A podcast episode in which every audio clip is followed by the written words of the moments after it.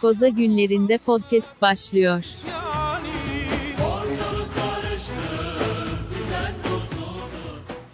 Merhabalar, Lak Lak Podcast karantina günlerinde devam ediyor. Artık lafı eğip bükmenin alemi var mı? Koza demeye gerek var mı Edil? Bayağı karantina, karantinadayız ya. Bence herkes içselleştirdi ya çok da. Ben evet yani. ya ben ben de şey oldum yani. Alıştım. Ben bile alıştım Edil. Sen zaten en başından beri Düşün. Evet kabullendim. Benim aslında bugün onu konuşalım bir şey. Benim bir Haziran tahminim vardı. Normalleşme için Haziran'ı işaret etmiştim. Kanaat önderi olarak. Yo ya yol yolculuk esnasında gerçi şeyim değişti bunun. İnsanların sorumsuzluklarını gördükçe bu konudaki beklentim değişti ama ya bak mesela Türkiye'deki rakamlar ne kadar doğru bilmiyorum ama Türkiye'deki rakamlar eğer ki benim benim önderliğimde hareket etseydi halk bu işin çözüleceğini gösteriyor. Amerika'da ya halk beklenilen şeyi göstermedi. Ee, nedir? Önlem alma ilgisini göstermedi. Ne denir? O doğru kelimeyi bulamadım. Gösterilmeyen ne bilmiyorum. Ee, Cuma gününün verdiği yorgunluklar. Ee, Amerikan halkının vurdum duymazlığına galiba ya belki şey de yap- öyle de değildir. Bilmiyoruz ki. Yani bir gariplik var. Çözebilmiş de değilim. Mesela ki bugün şeyi düşündüm. Bugün değil aslında. Bunu bir haftadır falan her gün düşünüyorum diyebilirim. Yok programda konuşalım diye düşündüm. Sence e, hastalıkla bu virüsle hiç şeyin olmuş mudur? Yakınlaştığın Temasın mı? Evet ve böyle elini yıkayarak falan ya da işte ağzında maske olduğu için Ha böyle son dakikada bir kurt, kurtuluş olmuş mudur acaba? Olmuş mudur yani? Evet, direkten evet. dönme durumu. yani mesela markette önündeki adamla arandaki doğru mesafeyi koruduğun için kurtarmışlığın var mıdır? Enteresan bir soru ya. Ya benim kafama hep böyle güzel sorular geliyor ya. Ne kadar ne kadar güzel sorular soruyorum. Yani orada bir yakın temasta bulunduğum olmuştur illaki ya. Bilmiyorum Yani ki çok ki- çok zor zor teşhis etmesi. Virüsle sıcak saatlerim oldu. Virüste e, tehlikeli bir yakınlaşma içerisindeydik ama Yani şey olmuş mudur? Ben hani bu geçtiğimiz iki buçuk ay içinde ulan hakikaten çok dikkat ettim ve hastalanmadım. O yüzden hastalanmadım. Yoksa hastalanan herkes de aslında benim gibi davranıyordu ve ben sadece şanslı mıyım? ya da yoksa bunların hepsi koca bir yalan mı? Mı? De- devletin bizi içeride tutmaya çalışmasıyla alakalı beyinlerimize çip yerleştirmeye çalıştığı bir senaryodan mı ibaret? Yani ya devlet alternatif olarak Bill Gates. Ya da Bill Gates. Bill Ya da- Gates'in önderliğindeki itilaf devletleri. Ee, peki şeyi ne diyorsun? Devlet gör dedin ama ben daha da bir, bir sonraki aşamaya e, geçiyordum. aşaması mı? E, biraz bir aşama altı. E, biliyorsun bu üçgenin hani seviyeleri vardır. Yedi aile, e, işte Illuminati'nin bir alt seviyesi. Tapınak şövalyeleri. Şövalye, aynen or- orayla başlar. E, Masonlar, işte Rotary, Lions bunlar hep böyle ilerler. E, ya bunu bilmiyorsanız ayıp. Öncelikle bunu söyleyeyim. Hani konuşmaya değer bile görmüyorum. Şimdi Trump'ın Trump'ın seçileceği a- aşikar. Tabii. Kartlar oynandı. Kartlar oynandı. Hani şey zannediyor insanlar sırf Orta Doğu'da dağıtılıyor zannediyor kartlar ama öyle bir şey yok yani. Yok, kartlar her daim her yerde dağıtılıyor. Şimdi acaba acaba bunu geçen bir Facebook yorumunda gördüm. Daha doğrusu Twitter yorumunda gördüm. Bu arada şey e, troller Facebook'tan daha aktif bence Twitter'da Rus trolleri. E, neyse konuyu değiştiriyorum. Şeye geliyorum tekrar. Trump'ın seçilmesini engellemek için ortaya atılmış. Mesela bir harita paylaşmışlar.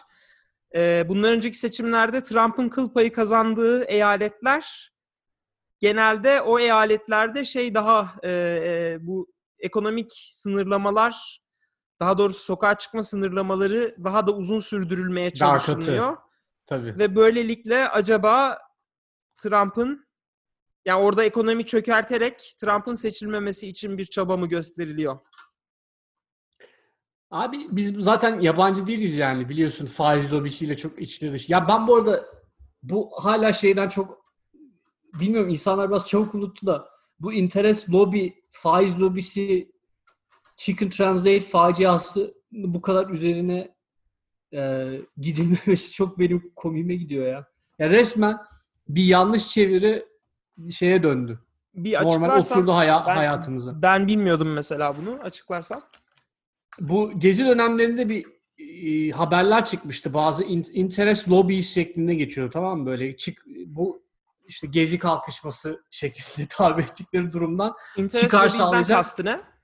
işte bazı şey var. Lobiler var yani bundan bir şey çıkar Ha. sağlayacak. Interest Yani- lobileri var diyor. Ha ha ha yani Yarı, şey, yarım akıllardan bir tanesi bu interest lobi faiz lobisi şeklinde person of interest'teki interest gibi. Evet. O interest'i faiz diye şeklinde çeviriyor. şey gibi bir tane daha vardı ya bu akitte mi ne geçiyordu şey çevirisi. Aa, dur o da çok ünlü bir çeviriydi ya. Beyaz şey e, Akdeniz'e White Milk, Sea'den milk, de. po- Milkport, Milkport abi. E, bilmiyorum. Neyse hepsi aynı dönemde çıkan işte o gerizekalı insanlar tarafından hayatımıza sokulan terimler. Bu interest lobi abi faiz lobisi olarak girdi hayatımıza. Ve o bu deliler söyleye söyleye söyleye böyle bir şey oturttular abi insanların hayatına. İnanılmaz bir şey ya. Yalnız bunun böyle bir yani ben böyle bir kaynaktan geldiğini de duymamıştım. Bence bunun devam etmesinin sebebi de şey. Bu senin dediğin olayın pek bilinmemesi. Ben bilmiyordum mesela. Böyle bir yani Abi faiz- o, o döneme ya illa ki belki dinleyenler arasında hatırlayanlar olur. Hatta hatırlayanlar olursa lütfen bize mesaj atsınlar. Ya ben tek olamam diye düşünüyorum. Ben çok net bir şekilde o dönemde çıkan haberlerdeki interest lobby ifadesini e, faiz lobisi şeklinde çevrilmesiyle alakalı bulursak paylaşırız ya şeyden Twitter'dan hesabımızda. Tamamdır. Ben inanıyorum sana. Birilerinin şeyine in- teyidine ihtiyacımız yok. Sen diyorsan öyledir. Ee, şeye konumuza Ha, gelelim. şey şey bu arada e, Milkport olayı da süt liman kelimesini abi. Yok artık daha neler. Yem, yemin ediyorum sana bak aç aç bak abi. Süt limanı Milkport olarak çevrildiği Ee, ya akit şeyi var haberi var ya o yine. e, ne demek istiyor oradan yani milk, milkport?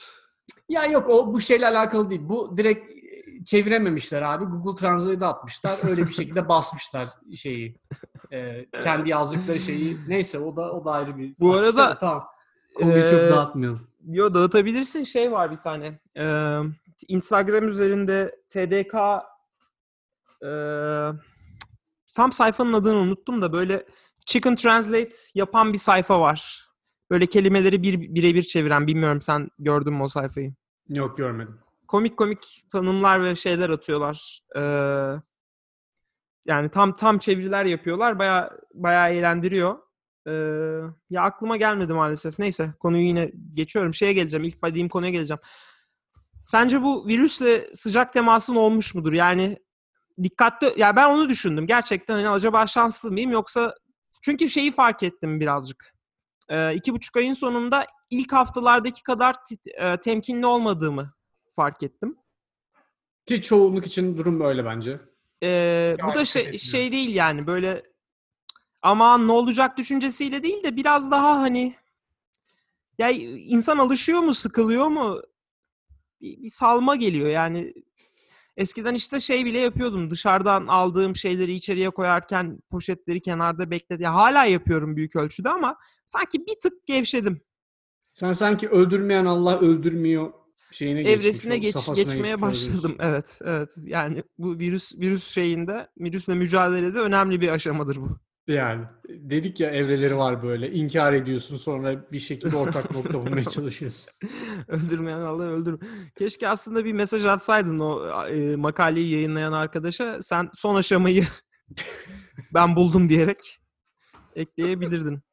Neyse, Evet. sen işi geyiğe vurma taraftarısın. Güzel de yapıyorsun. Şeye geçelim o zaman. Ee, ya madem geyik dedik, bugün aklıma şey geldi. Biraz lak lak yapalım. Ee, çok alakasız bir konuya giriyorum yalnız. Hazır mısın? Hazır. Abi üzüm suyu niye çok kötü ya? Üzüm reçeli, üzüm suyu, üzüm marmeladı. Ben sevi ben seviyorum ya. Niye? Ya niye mesela- beğenmedin? Bugün şeyi düşündüm de yani hakikaten mesela üzümlü Gatorade'i severek içen herhangi bir canlı var mı dünya üzerinde? Ya illaki vardır abi. Yani ya- olmayan olmasa herhalde üretmezler diye. Olmasaydı tahmin olmazdık. olmasaydı olmazdık evet. Ya çok saçma abi. Yani şeyi çok merak ediyorum. Fabrika çıkışlarında yüzde dağılımını yani Gatorade'in, Powerade'in neyse bunun mavisi içidir. Belki arada portakallı içen de vardır. O, o yani.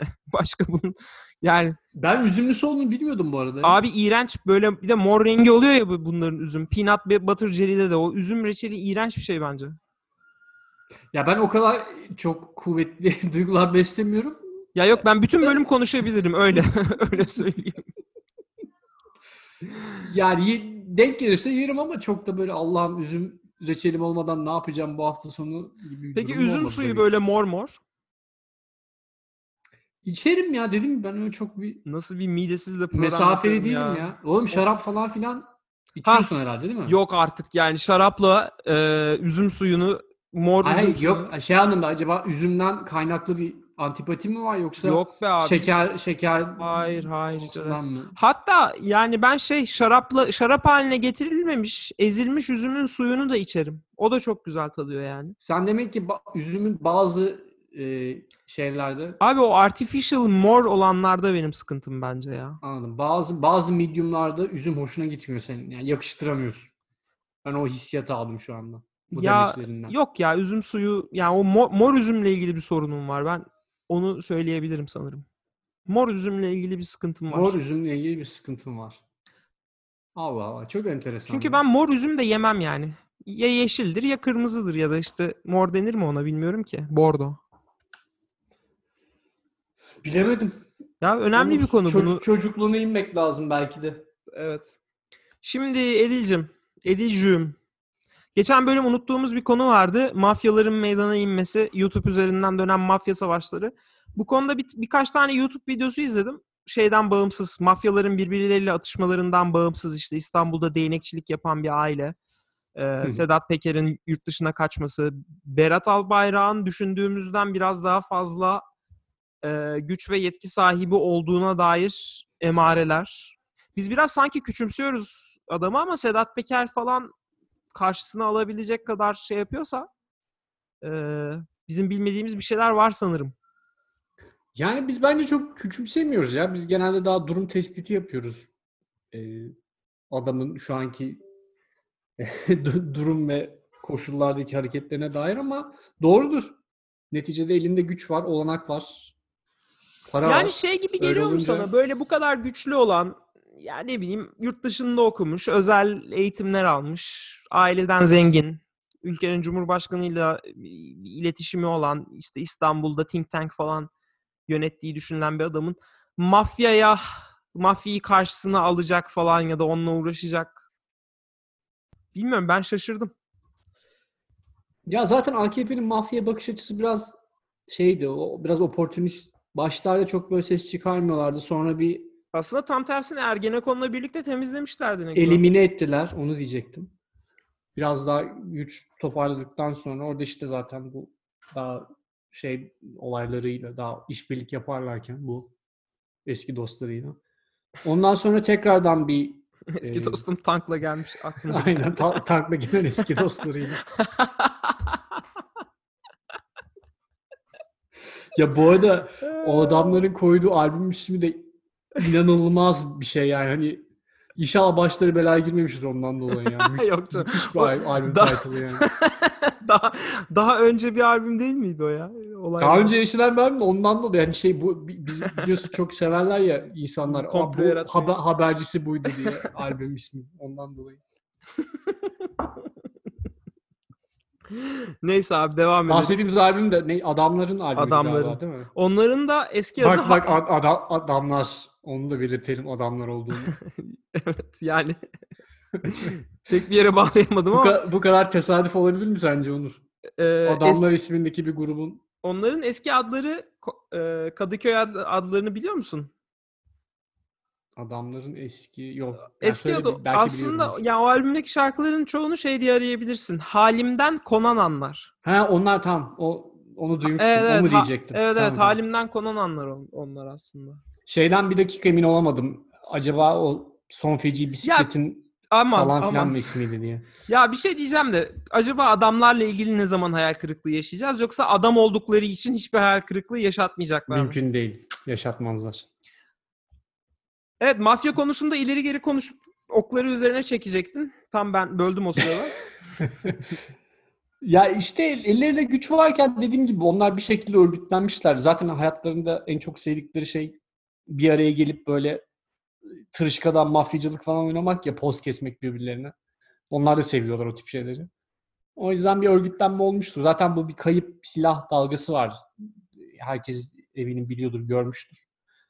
Ee, ama ya dediğim gibi o, o tip örgütlenmelerin ben çok böyle uzun soluklu olacağını düşünmüyorum ya. Ee, en azından öyle ümit ediyorum. Abi e, bu olumlu yaklaşımını paylaşmak istiyorum. 90'ları çok hatırlayan biri olmasam da 90'lardaki karamsarlığı hatırlıyorum.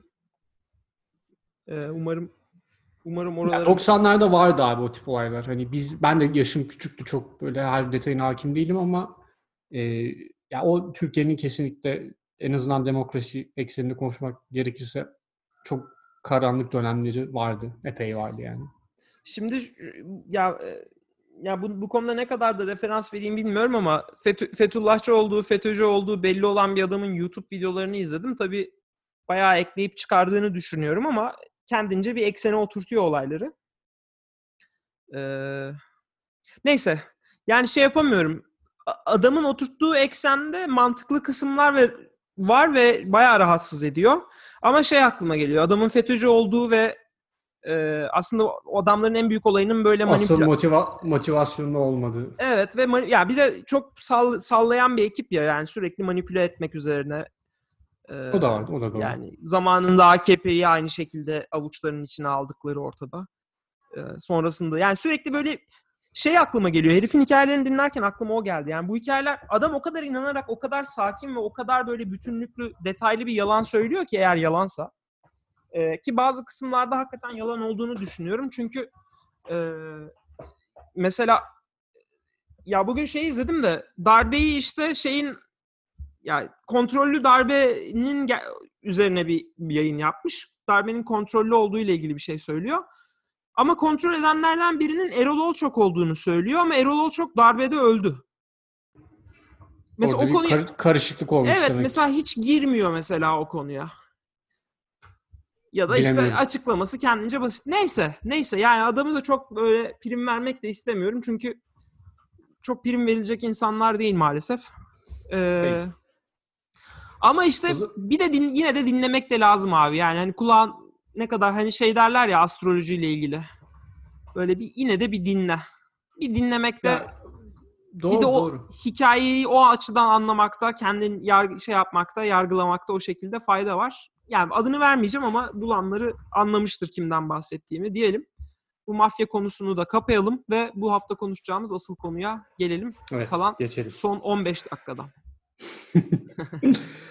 Yeter ya 15 dakikada zaten söylemek isteyeceklerimizi söyleriz. Bence de lazım. zaten çok böyle ben şeyi düşündüm yine bugün. Ben biraz böyle çok düşünüyorum kendi kendime.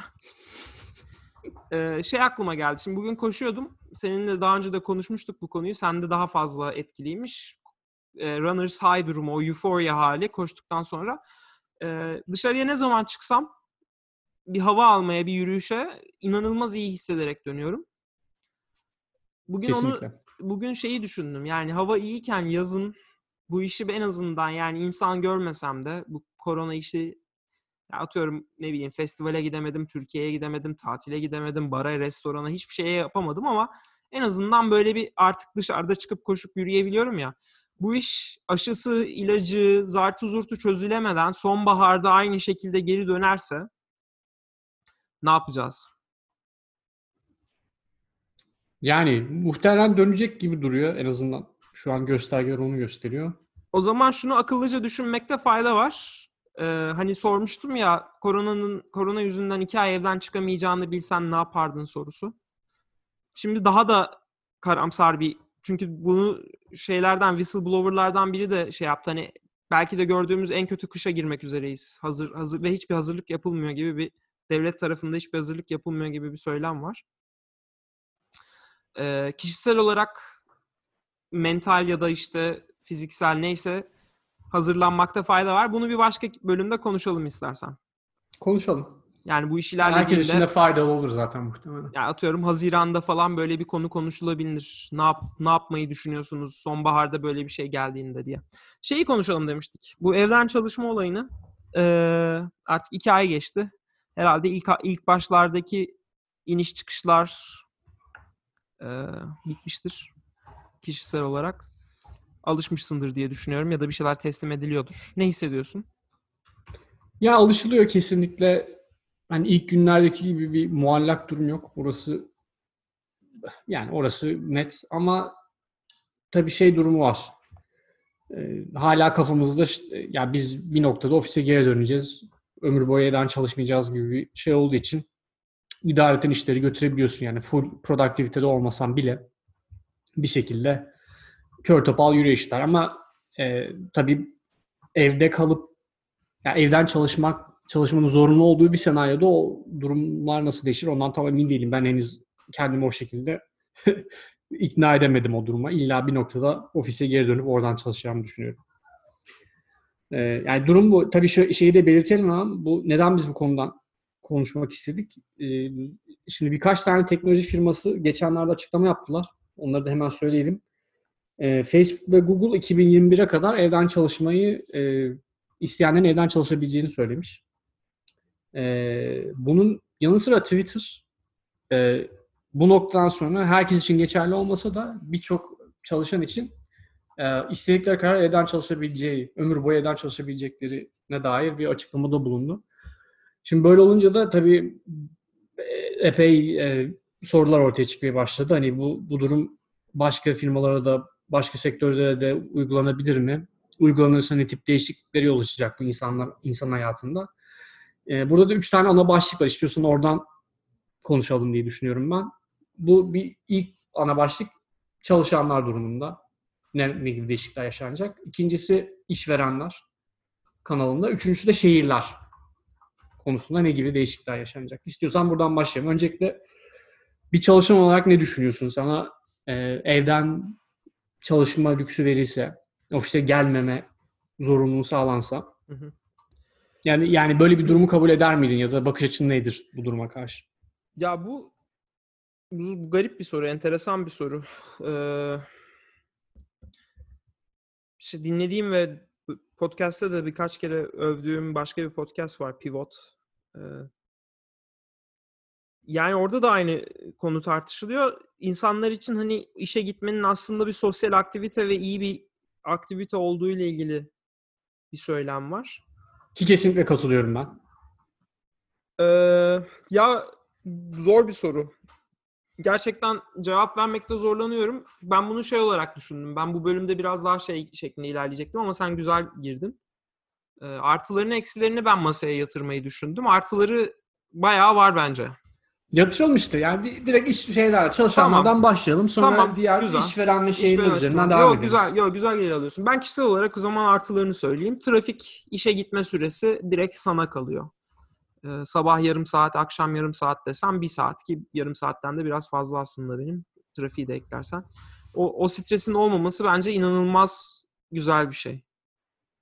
Yani günde bir saat bayağı fark ediyor insan hayatında. Öğle yemekleri, zartı zurtu da dahil.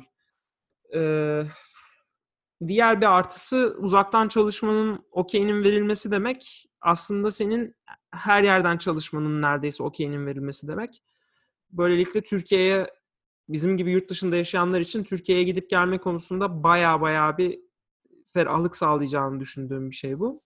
Doğru. Tabii, ya tabii ki tatil gibi hissetmeyeceksin. Tabii ki yani öğlen orada işte atıyorum um, saat 1-2 gibi çalışmaya başlayıp Türkiye'deyken akşam gece 12'ye kadar belki işte 11'e kadar çalışmak zorunda kalacaksın.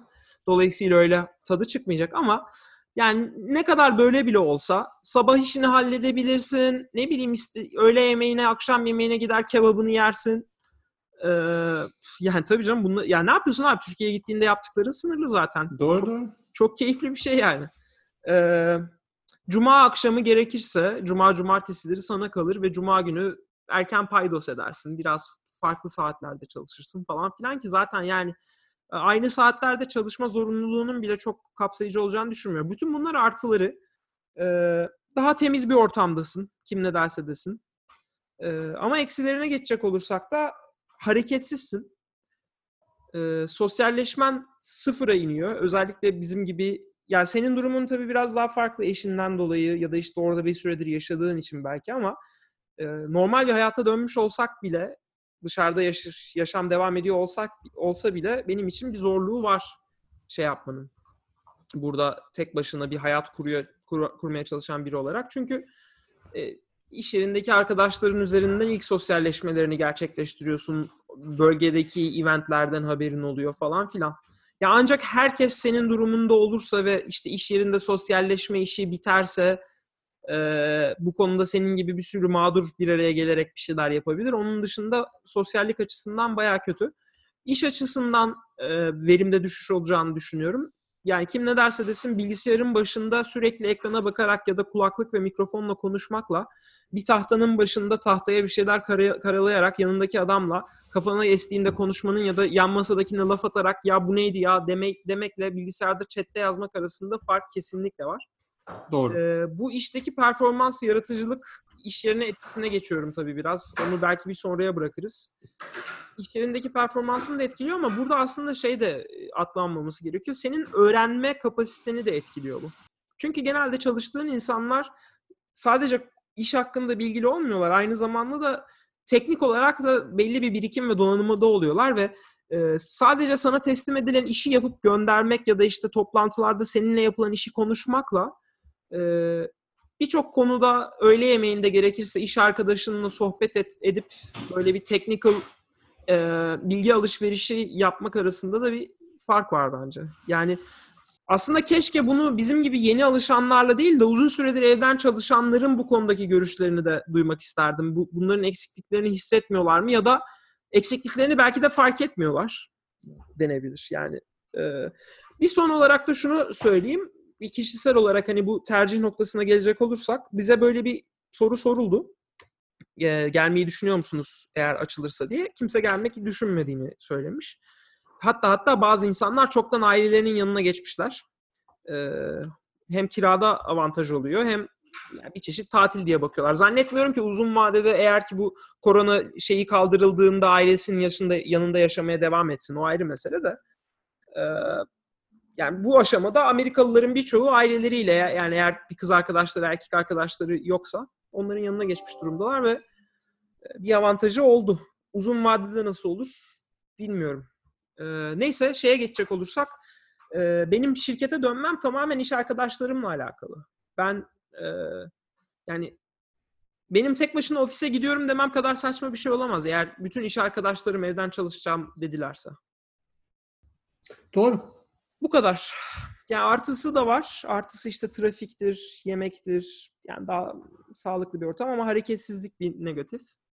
Bilmiyorum sen sen de bir şeyler ekleyebilirsin. Yani benim ekleyebileceğim işte bir tek şey açısından negatif durum ki bu biraz daha San Francisco üzerinde. Gerçi senin Washington DC taraflarında da aynı durum var.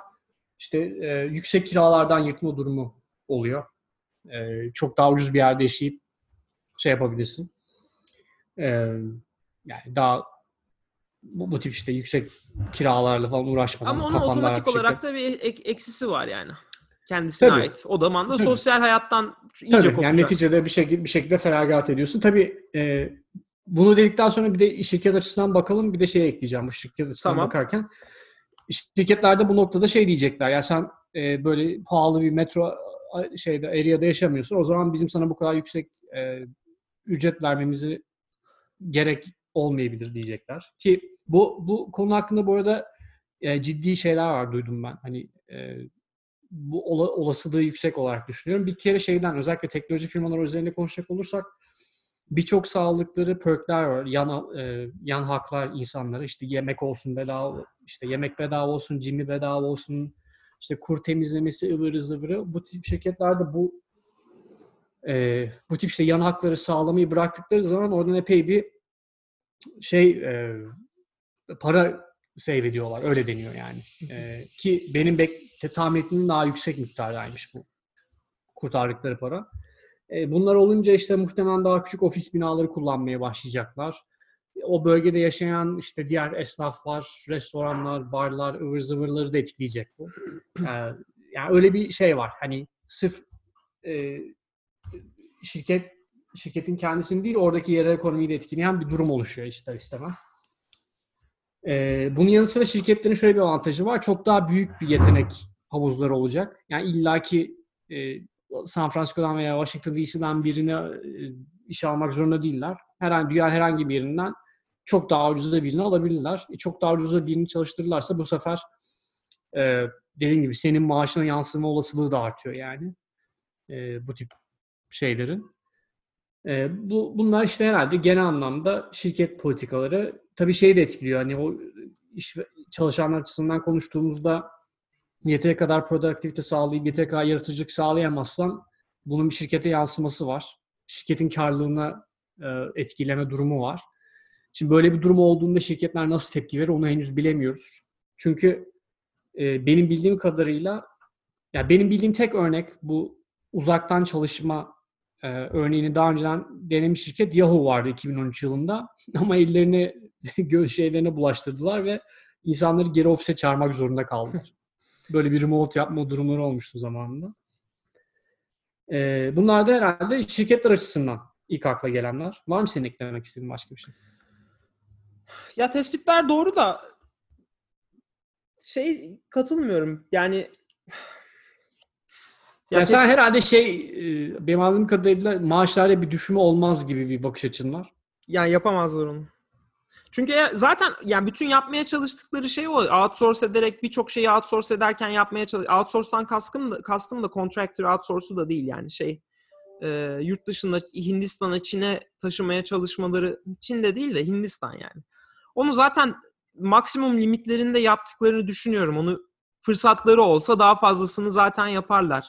İnsanları Hı. insanları bir arada tutmanın demek ki bir artısı var ki e, yani Google ya nasıl söyleyeyim? Ya Google'ın yani Google senin kampüsünden çıkmanı istemiyordu değil mi? Bütün investmentları, bütün o muhteşem bir ofis ortamı, işte yok masa tenisleri, yok PlayStation'lar, yok işte sınırsız yemek olan kafeteryalar aslında senin iş yerine mutlu gidip orada daha fazla zaman geçirmen üzerine. Tabii daha üretken olmanı istiyorlar. Ee, ne oldu da bir anda bunun aslında iyi bir yöntem olmadığı ve uzaktan daha ucuza gelirsin e, ne döndü iş? Ya bunun daha iyi bir yöntem olup olmadığı bence tam belli değil. Böyle bir durum olursa yani pandemiden kaynaklı böyle bir durumda kalınırsa, evet. insanlar bu şekilde yaşamayı tercih ederlerse şirketler ne ne gibi aksiyon almak zorunda kalacaklar? Sanki biraz soru o eksende. Şu denge yani şu dengeye geçilebilir gibi geliyor bana. Bu bu kadar keskin bir dönüş çok ihtimal vermiyorum. Ee, şirketlerin bundan çok fazla kar etme hevesleri ya şu aşamada tabii ki vardır bazı şirketlerin ama bence götürüsü de epey olur şirket açısından. Katılıyorum. Öyle ee, ya bence uzun vadede dediğin gibi bu her yani henüz o olgunlukta olduğunu düşünmüyorum yani. Bu biraz zorunluluktan doğan evet, bir durum. Evet. Ee, ama uzun vadede etkileri bilinmiyor. Özellikle insanların uzaktan çalışma kültürlerine nasıl ne kadar çabuk uyum sağlayabilecekleri çok büyük bir soru işareti. Bir de şey var ya. Ama bu arada ee, lafını kesiyorum ama şöyle bir de gerçeklik var. Ee, yani evet ben seni işte bu şehirde yaşamıyorsun bilmem ne ama sonuçta bu, bu şirketlerde çalışanların da belli bir rekabetçilik ortamıyla gidiyorlar ve o, yani adam gayet şeyin pazarlığını da yapabilir iste, istese. Ya sen sana ne benim yaşadığım yerden yani sen beni almak istiyorsan fiyatım bu. Ben iyiyim. Sonuçta oraya giden insanların genelde yaşadıkları yerden çok kaliteli olup olmamalarına göre bir maaş veriliyor. O zaman herkes en ucuz yerde yaşar falan filan. Onu onu çok bir yere vardırabileceklerine ben inanmıyorum Edil. Yani o biraz kalite olayı dediğim gibi çok ben de bilmiyorum yani recruiting olayına o kadar hakim olmadığım için ama yani benzer kalitede birini çok daha ucuza bulabileceklerini düşünüyorsa şirketler o yöne yönelmek isteyeceklerdir. O da biraz piyasayı aşağı çekecektir diye düşünüyorum ben. Ama Bilmiyorum. E bir de ama şu, orada da şöyle bir şey dengeye geliyor. Hiç yani hiç gidip gelmeme olacak olacak bir iş çok az. Yani yazılımda dahi yönetici seviyesinde gidip gelmeler olacaktır. Bir bir araya gelmeler, bir işte all hands'ler. Yani şu anda bile oluyor işte farklı ülkelerdeki yöneticiler, farklı bilmem neler bir şekilde bir araya geliyorlar. Bunun travel cost'ları var. E, gidip gelme ve cid, onlar da baya baya ciddi oluyor. Bilmiyorum senin çalıştığın şirkette öyle miydi ama Whirlpool'da gerçekten inanılmaz rakamlar e, travel'a harcanıyordu. İşte İtalya'daki Doğru. yani ya takımları kesin var. oluyordur. Kesin oluyordur. Şimdi bir de şu bir de şu boyutu var. Ya evet sen ucuza kira falan yapıyorsun ama evden çalışmanın da kendine göre belli bir maddi tarafı var. Hani perk ya ya dediğim gibi yani bu perkler rekabetçi olmak için insanlar seni tercih etsin diye sunulmuş şeyler ya. Evde de aynı şekilde ya sen Google'da çalışmaya başla ev internetin bizden. Ee, işte şey olmaya başla dikkatim dağıldı. Ee, ya işte evdeki internetim benden, sandalyen evde benden, masam benden. Yani ofis masraflarını evdeki şu kadarını karşılıyorum deme noktasına da gelmeye başlayacaklar falan filan. Neyse. Ee, ben şöyle, neyse sen son konuya da gir. Ben, benim kendi öngörümü sonra söyleyeyim. Son üçüncü inceleyeceğim demiştim. Son, son konuda şehirler açısından işte bu e, evler nasıl, nerelere inşa edilecek, trafik konusu. İşte o konuda biraz rahatlama olacak ama bir noktada emlak fiyatlarında düşüş yaşanabilir. İşte bir sürü ofis binası boş kalabilir. Oradan gelir kazanan insanlar var falan filan. İşte ne bileyim o etrafta çalışan insanlar var. Oradan yine ne bileyim restoranlar, barlar tarzı. Ee, onları da negatif etkileyecek durumlar ol- olabilir.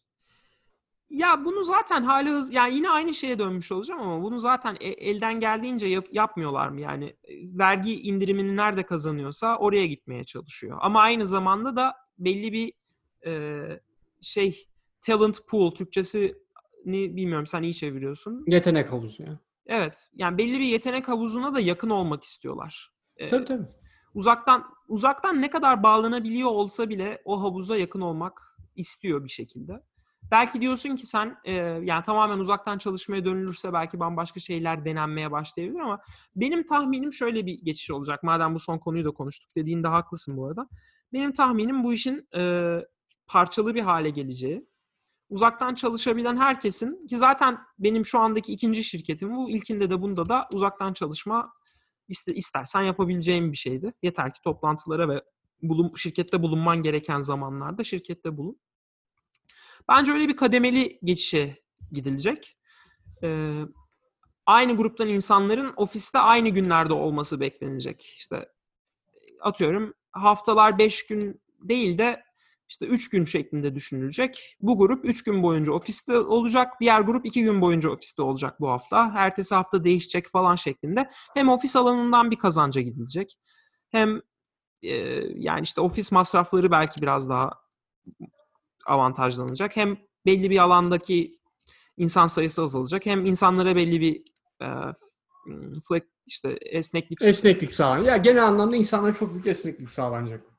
Aynen ya da hastaysan hiç gelme yani hiç bana rapor yani mesela şey bana hala saçma geliyor sick day konusu. Ee, hastaysan gelme yani ne 7 gün sınır koymayla ne alakası var? Ya- yaymak daha mı mantıklı?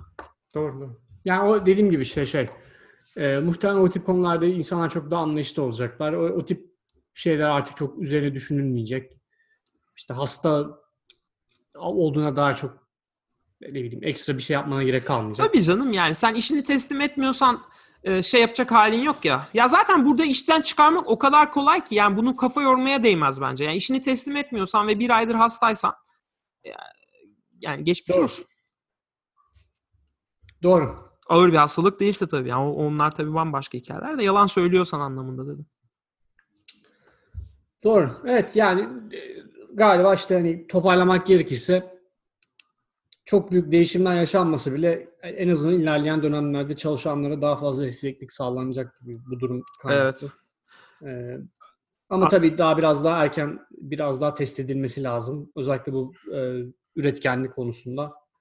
E, gerçekten çok uzaktan çalışma eksenli bir şirket kültürü oturtulabilir mi? O biraz daha bekleyip görmek gerek galiba. Ya bir de tabii biz bütün bunları şey üzerine konuşuyoruz Edil. E, tamamen e, dijital işler üzerine yazılım. Tabii tabii. tabii, tabii. Bunlar tamamen dijital işler üzerine. Bazı ofiste bulması gereken ins- insanlar, e, bir arada bulması gereken insanlar tamamen şey dışı. Ocak dışı. Ya e, hem o hem de ya bilmiyorum yani gerçekten senin bile belki zaman zaman e, ya senin bence bir warehouse'u görmen lazım. Warehouse'la ilgili bir şeyleri e, bir şeyler hakkında bir şeyler öyle atıp tutarken Ya böyle saçma sapan bir şey söyleyebilirsin çünkü warehouse hayatında hiç görmemiş olsan yeni mezunsun girdin Gap'te işe hiç warehouse görmemişsin bir analiz yapıyorsun ve böyle diyorsun ki saçma salak bir şekilde şunu şöyle yapalım diyorsun. Katılıyorum. Ya anladın işte. Katılıyorum. ya uzaktan çalışmanın öyle eksileri var. Yani biraz o intuition denilen e, çalıştığın sektörü anlamak adına ofiste bulunmak bir anlamda bir sürü anlamda çok avantaj sağlıyor. Yani şey de var mesela atıyorum sen bir terfi pozisyonundasın. E, ofiste her zaman bir fiil bulunan birini mi e, öne alırlar terfi konusunda? Daha ayrıcalıklı mı olur yoksa uzaktan çalışan biri mi? Güzel tespit doğru. O da bilmiyorum. Yok yani kültür insan sosyal bir varlık. Bazı şeyleri anlaması için de görmesi gerekiyor. Yani şey yapabilmek Google'dakinin Twitter'dakinin bunu yapması çok kolay çünkü Twitter'ın ürünü de zaten dijital ortamda. Evet. Ve bunu bunu yap yani ben Amazon'un bile bunu yap- yapmasının kolay olmadığını düşünüyorum. Amazon'un yazılım tarafında olanlar dahil. Yani gerçekten bir warehouse'u görmek, anlamak ya da onunla ilgili bir patronla konuş. Ya bir de şey de çok garip. Edil. Ben başladığımdan beri çalışanlarımdan yani çalışanlarım vallafa bak. Allah daha çok versin. Evet, e, hiç öyle bir durumum da yok bu arada yanlış anlaşılmasın. E, iş arkadaşlarımdan e, hiç yüzünü görmediğim insanlar var. Çünkü videoları açmıyorlar konferansta. Şimdi ben de kıllık yapıp ya arkadaşlar bir video açsak da demiyorum. Profil fotoğraflarında da böyle bazıları komikli bir şeyler falan koymuşlar. Kıllık yapacak halim yok. E, o da çok garip bir şey ya. Yani şey de olabilir ya. Aslında bu, bugün onu düşündüm. Bu yine yine düşündüğüm bir konuya geldik. Ee, yani gelecekte iş arkadaşının aslında bir robot olduğunu falan düşünsene böyle hani akıllı bir bilgisayar var. Hiç yüzünü görmediğim bir insanla konuşuyorum yani ben. Saçma sapan bir şey yani. Neyse bu haftalık bu kadar diyelim. Ee, güzel bir sohbet oldu bence de. Sen ne düşünüyorsun? Katılıyorum abi. Şey yaparız. Haftaya görüşmek üzere. Görüşmek Diyelim üzere. herkese. Koza günlerinde podcast sona erdi.